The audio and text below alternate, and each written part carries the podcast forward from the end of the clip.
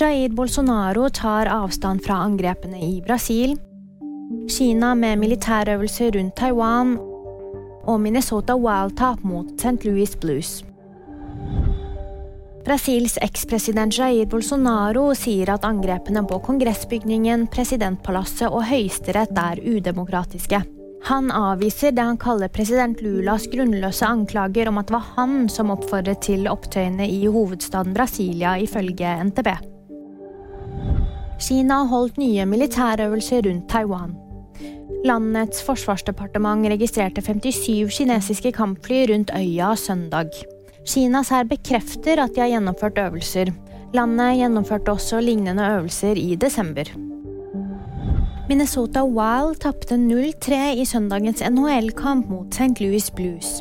Mats Zuccarello er ute med skade og spilte ikke kampen. Han sto også over kampen mot Buffalo Sabres, men ifølge The Athletic er det ventet at han er tilbake til kampen mot sitt gamle lag, The New York Rangers, på tirsdag. Og VG-nyhetene de fikk du av meg, Jaman Britkar.